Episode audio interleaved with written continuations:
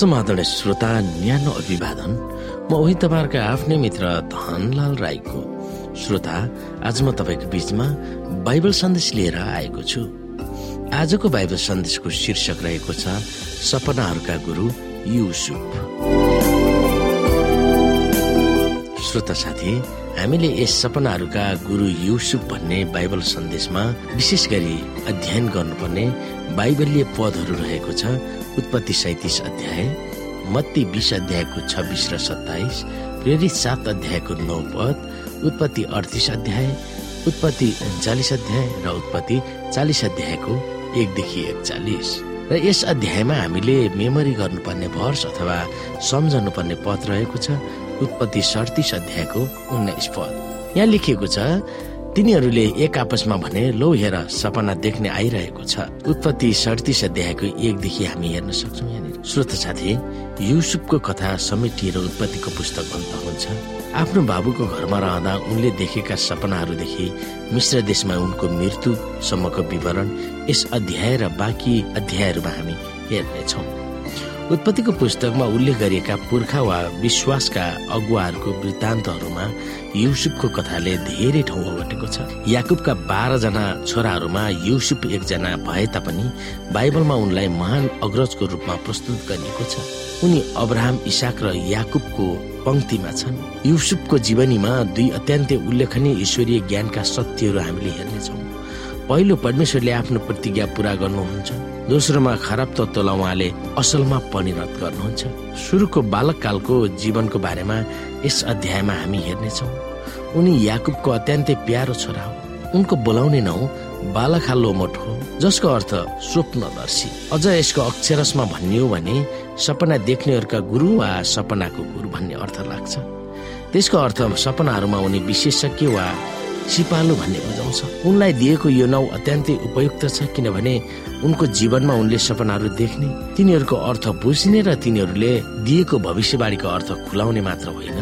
तिनीहरूलाई उनले आफ्नै जीवनमा पुरा गरेर देखाएका थिए। मानिसहरू जतिसुकै दुष्ट खराब भए तापनि वा तिनीहरूको हृदयमा अरूहरूप्रति जतिसुकै खराब नियत भए तापनि परमेश्वरले आफ्नो इच्छा पूरा गर्न उहाँ कटिबद्ध हुनुहुन्छ भन्ने सन्देश हामीले उत्पत्तिका बाँकी अध्यायहरूमा निहाल्नेछौँ। हामीले यहाँ हेर्न सक्छौँ परमेश्वरकै निगरानीमा जुन घट्नुपर्ने घटनाहरू हुन् जो जारी हुन्छ युसुफ झ्यालखानामा परेपछि केही समयमा झ्यालखानाको हाकिमले उनलाई कैदीहरूको रेखदेख गर्ने जिम्मा लगाइदिन्छन्।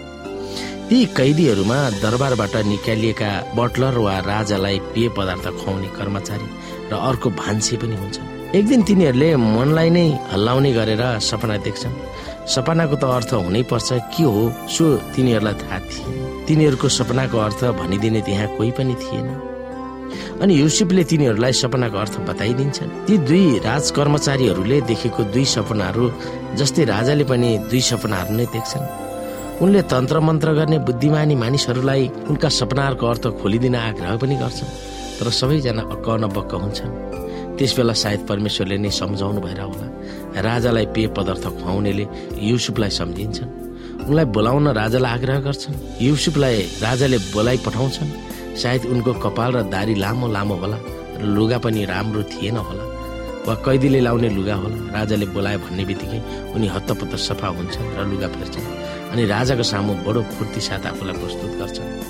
जसरी राजकीय कर्मचारीहरूले झ्यालखानामा बस्दा सपना देख्दा तिनीहरू विचलित भएका थिए। त्यसरी नै राजा पनि विचलित हुन्छन्। ती कर्मचारीहरूले जस्तै राजाले पनि आफ्ना सपनाहरू युसुफलाई सुनाउँछन्। युसुफले परमेश्वरलाई नै जस दिएर उनले देखेका सपनाको अर्थ खोलिदिन्छन्। राज कर्मचारीहरूका सपनाहरू जस्तै राजाले देखेका सपनामा प्रतीक वा सङ्केतहरू हुन्छन्। सातवटा मोटा मोटा र दुब्ला दुब्ला गाईहरू जसको अर्थ दुई खालका बालीहरू। एक खालको बाली मोटो वा प्रशस्त हुन्छ भने अर्को खालको पातलो वा सुक्खा बाली। त्यसको अर्थ मिश्र देशमा श्रृङ्खलाबद्ध रूपमा असल र खराब वर्षहरू हुने भविष्यवाणी थियो। सात गाईहरू र सात बालीहरूको सपना राजाले देखेकोले तिनीहरूको अर्थ एउटै हो भनेर दोहोऱ्याएको थियो। युसुफले देखेको सपना जस्तै राजाले देखेका सपनाहरूमा पनि परमेश्वरको हात छ भनेर देखाइएको थियो। सारा बुद्धिजीवीहरूको माझमा युसुफ एक्लो भएर सपनाको अर्थ खोलिदिने खुबी भएको देखाए तापनि त्यसको श्रेय आफूले नलिकन परमेश्वरलाई उनले दिन्छन्। परमेश्वरले नै के हुनेछ सो राजालाई देखाउनु भएको छ भन्ने कुरामा राजा निश्चित होस् भनेर परमेश्वरको महिमा उनले गरेका थिए। यस मामिलामा परमेश्वरकै हात छ भन्ने सन्देश पनि राजाले पाएको देखिन्छ। किनकि शाहकाल र अनिकालको निम्ति रेख्ते गर्ने मिश्र देशको प्रमुख हुन्। युसुफलाई नै चुन्दा उनको जिकिर थियो। तब फारोले युसुफलाई भने परमेश्वरले तिमीलाई सबै कुरा देखाइदिनु भएको छ र तिमी जस्तो चतुर र बुद्धिमान मानिस अरू छैन। यसकारण मेरो महलको अख्तियार चलाउने तिमी नै भयो र तिमीले आज्ञा अनुसार मेरो समस्त प्रजा चल्नेछ।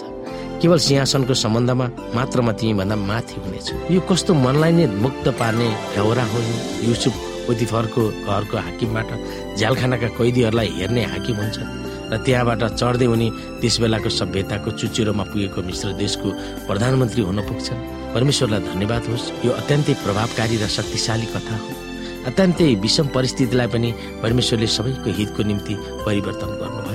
अन्तिम श्रोता कतिपय समयमा जब हामी दुःख कष्टको सामना गर्छौँ त्यस बेलामा पनि परमेश्वरका आज्ञाहरूलाई कसरी पक्रिराख्ने जब उहाँ चुपचाप रहनु भएको जस्तो अनुभव हामीले गरे तापनि कसरी हामी स्थिर रहन सक्छौँ त्यो कुरा हामीले बुझ्नु पर्दछ। श्रोता आजको लागि बाइबल सन्देश यति नै। हस्त नमस्ते जय मसिंह।